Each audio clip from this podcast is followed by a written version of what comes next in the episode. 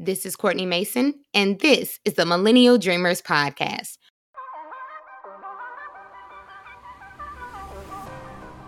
Hey, hey, welcome back to the podcast, friend. I hope you are doing well. I'm doing stupendous. Let's get right into today's topic. Not enough emphasis, I think, is placed on the importance of soft skills in the workplace.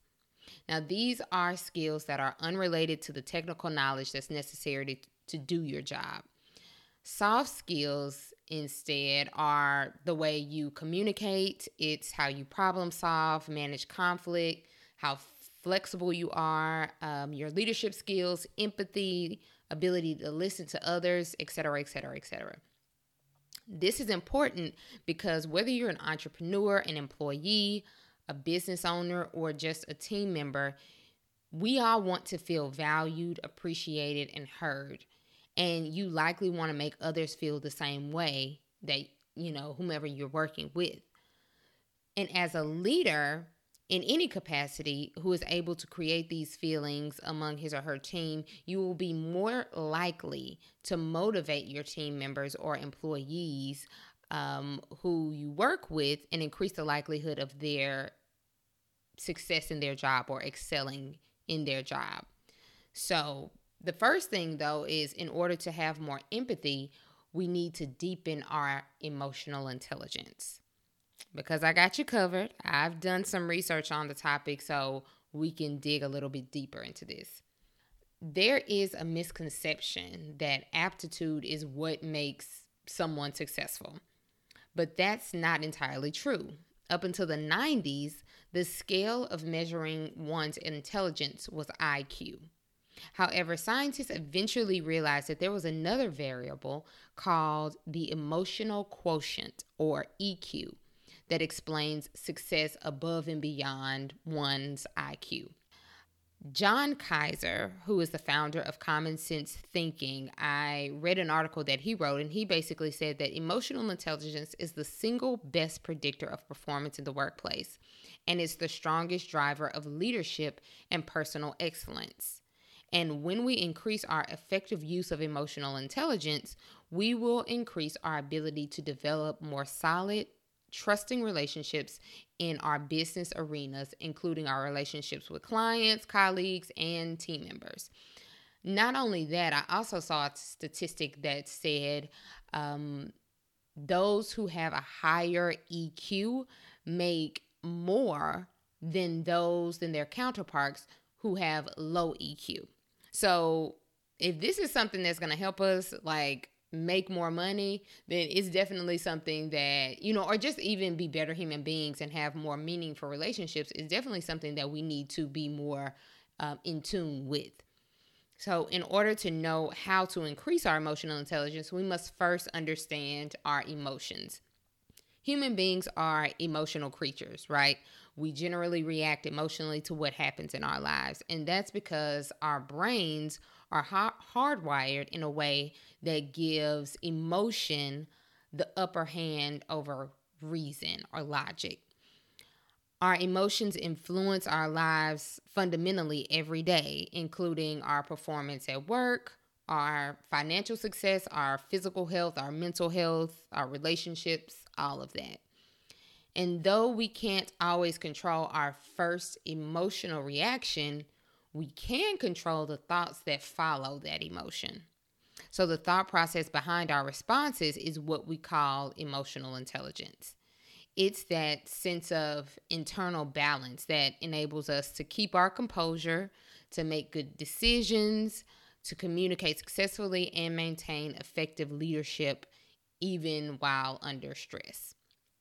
I also read um, some work from doctors Travis Bradberry and Jean Greaves, who are the authors of the book Emotional Intelligence 2.0. They've written other books. There's like specialists in emotional intelligence, and they've written other books on the topic as well. And basically, they have said that there are four, not only them, but what I've read from them specifically, that there are four main skills are attributes of emotional intelligence, which include self awareness, self management, social awareness, and relationship management. So, within those four skills, self awareness and self management, that relates to you and it falls under your personal competence. But social awareness and relationship management, that relates to how you are with other people and falls under social competency. I always say that word really strange. I don't know why. Social competence. Okay.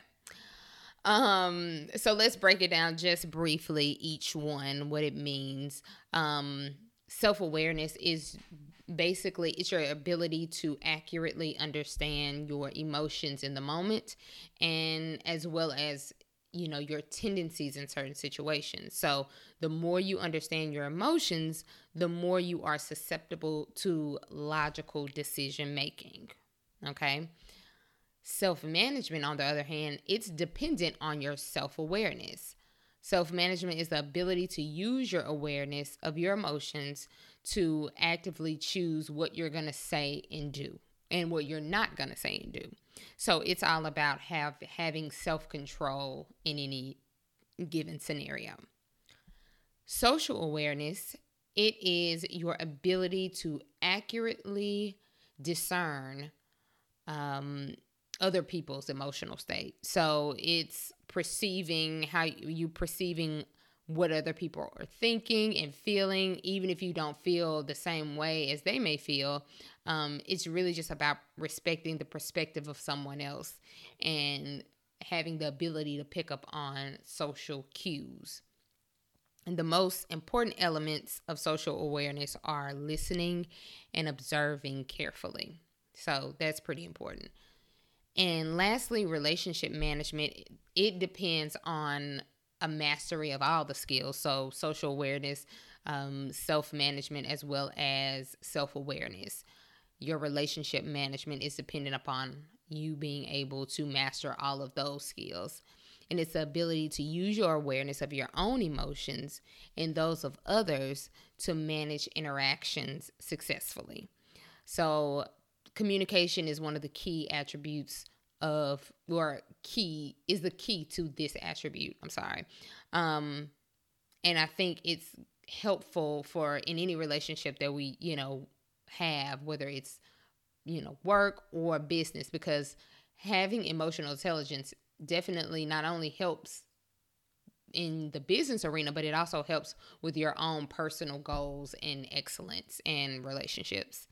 So, um, in the book that I referenced previously, Emotional Intelligence 2.0, doctors Bradberry and Greaves they discuss how you can improve each of these skills. They gave a lot of examples that you know you can consider under either attribute. Um, and instead of i figured like you know i don't want to make this a super long podcast where i'm just kind of like listing all the things you know if you're really interested um, i suggest it's like a, a pdf like a, an ebook and you can just google it and read really short read but it definitely uh, uh, steps or outlines some of the strategies that you can take um, you know myself as well. We can all take to improve these attributes of, of emotional intelligence so that we can increase our eq so I definitely recommend checking that out.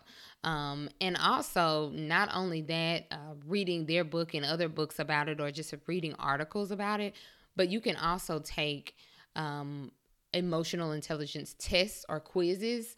There are several of them online. If you just Google emotional intelligence quiz or test, you know, several many will come up, and you can take all of them, or you can just take one of them and really understand. It'll give you more insight on which attribute you are um, strong in and those that you need more help in.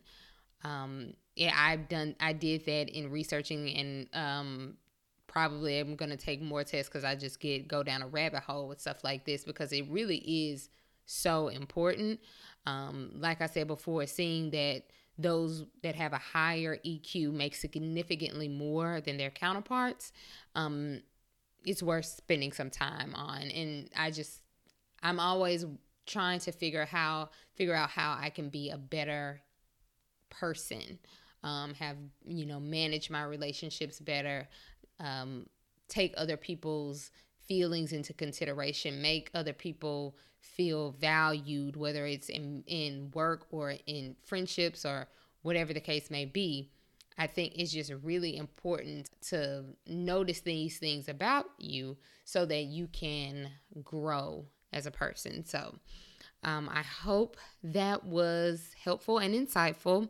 I wanted to keep it short, so I didn't um, list all the things I had. You know, doing my research, I did a lot of had a lot of notes, but I said we're gonna keep this one short, and I encourage everyone to go and just kind of do like a quick search like I mentioned before, and find some of that thing, some of those things for yourself so that you can kind of like take control of that. So, thank you so much for listening this week, friends. And until next time, peace.